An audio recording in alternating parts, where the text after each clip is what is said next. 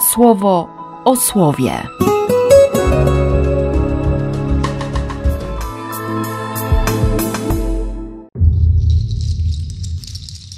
30 kwietnia, sobota. Żydzi helleńscy uważali, że ich ubogie kobiety są na co dzień gorzej traktowane niż kobiety hebrajskie. I się robi laszom hara, to narzekanie, szemranie, marudzenie, jątrzenie na siebie nawzajem. A wtedy wszystko można podważyć, bo mogą się zacząć pojawiać argumenty o, o bezbożności, o braku miłosierdzia i tak dalej, i tak dalej. No niewiele się zmieniło przez te wieki istnienia Kościoła. Nie? Narzekania ciągle jest sporo. Jeśli tak faktycznie było, to jest to przecież jeden z grzechów wołających o pomstę do nieba. Na szczęście reakcja apostołów jest właściwa i dojrzała. Nie jest słuszne, byśmy zrezygnowali z nauczania Bożego Słowa na rzecz działań charytatywnych. Wybierzcie spośród siebie. Wybierzcie spośród siebie siedmiu ludzi i dwa kryteria: dobra opinia i duchowa mądrość. Wypełnienie duchem, pełnych ducha. I też trochę nam się te kwalifikacje chyba i kryteria pomieszały we wspólnocie, nie? A przynajmniej nieczęsto słyszy się, że to, co najważniejsze w człowieku, który ma podjąć jakąkolwiek odpowiedzialność w kościele, to jest wypełnienie Duchem Bożym. I oczywiście nie chodzi o to przekonanie, że, że teraz Pan mi powiedział, nie? tylko o takie świadectwo życia, które, które faktycznie pokazuje, że Duch Boży mieszka w tym człowieku. Propozycja spodobała się wszystkim, więc wybrano. Szczepan, Filip, Prochor, Nikanor, Tymon, Parmenas, Mikołaj. Hm. No i genialny jest ten komentarz w siódmym wersecie. Biblia Tysiąclecia nie podaje tak jasno jak ten nowy przykład dynamiczny. Wskutek tej decyzji Słowo Boże nadal bez przeszkód rozchodziło się szeroko po całej Jerozolimie. Jedna decyzja wybór siedmiu i słowo Boga bez przeszkód rozchodzi się szeroko. Zresztą taka była motywacja apostołów. My zaś będziemy dalej niezłomnie koncentrować się na modlitwie i nauczaniu Bożego Słowa. O, właśnie tak. Ten werset akurat jest dla mnie sporym wyrzutem. Skoncentrowanie na modlitwie i na nauczaniu Bożego Słowa.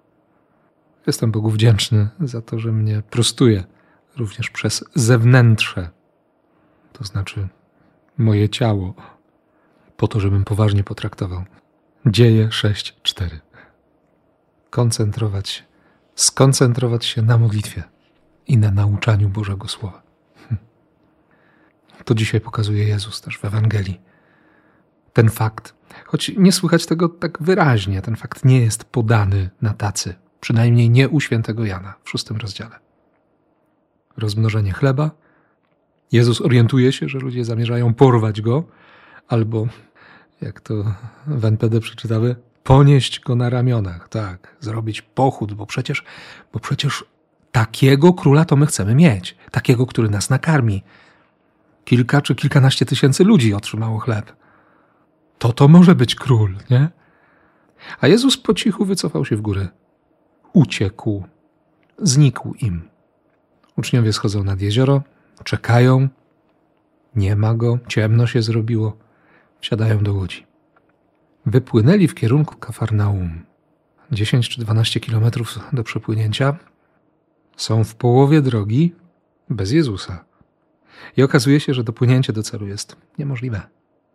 Jezus się modli, rozmawia z Ojcem, tak to zrelacjonują synoptycy – widzi ich problem i biegnie do nich. Jemu jest wszystko jedno, jaki grunt ma pod stopami, po jakiej powierzchni się przemieszcza. Dla niego jest ważne to, że oni go potrzebują. Więc jest. I tak się zresztą przedstawia. Bo się przerazili. Nie bójcie się, przecież to ja jestem. Tak, to jest ten, w którym i dzięki któremu życie Mojżesza nabiera sensu, to jest ten, przy którym i dzięki któremu Twoje i moje życie nabiera sensu i znaczenia. Nie wiem jak Ty, no ja czasem o tym zapominam. Co więcej, Jan zapisze w 21 wersecie: Chcieli zabrać go do łodzi, ale ona natychmiast znalazła się przy brzegu, do którego płynęli. Da się jakoś o własnych siłach przejść pewien etap drogi. Również tej drogi do nieba. Ale potrzebujemy łaski, potrzebujemy Jego. Miłosierdzia, bliskości, pokoju, obecności. Jego potrzebujemy po prostu. Potrzebujemy tego, by On był, by powiedział: Ja jestem.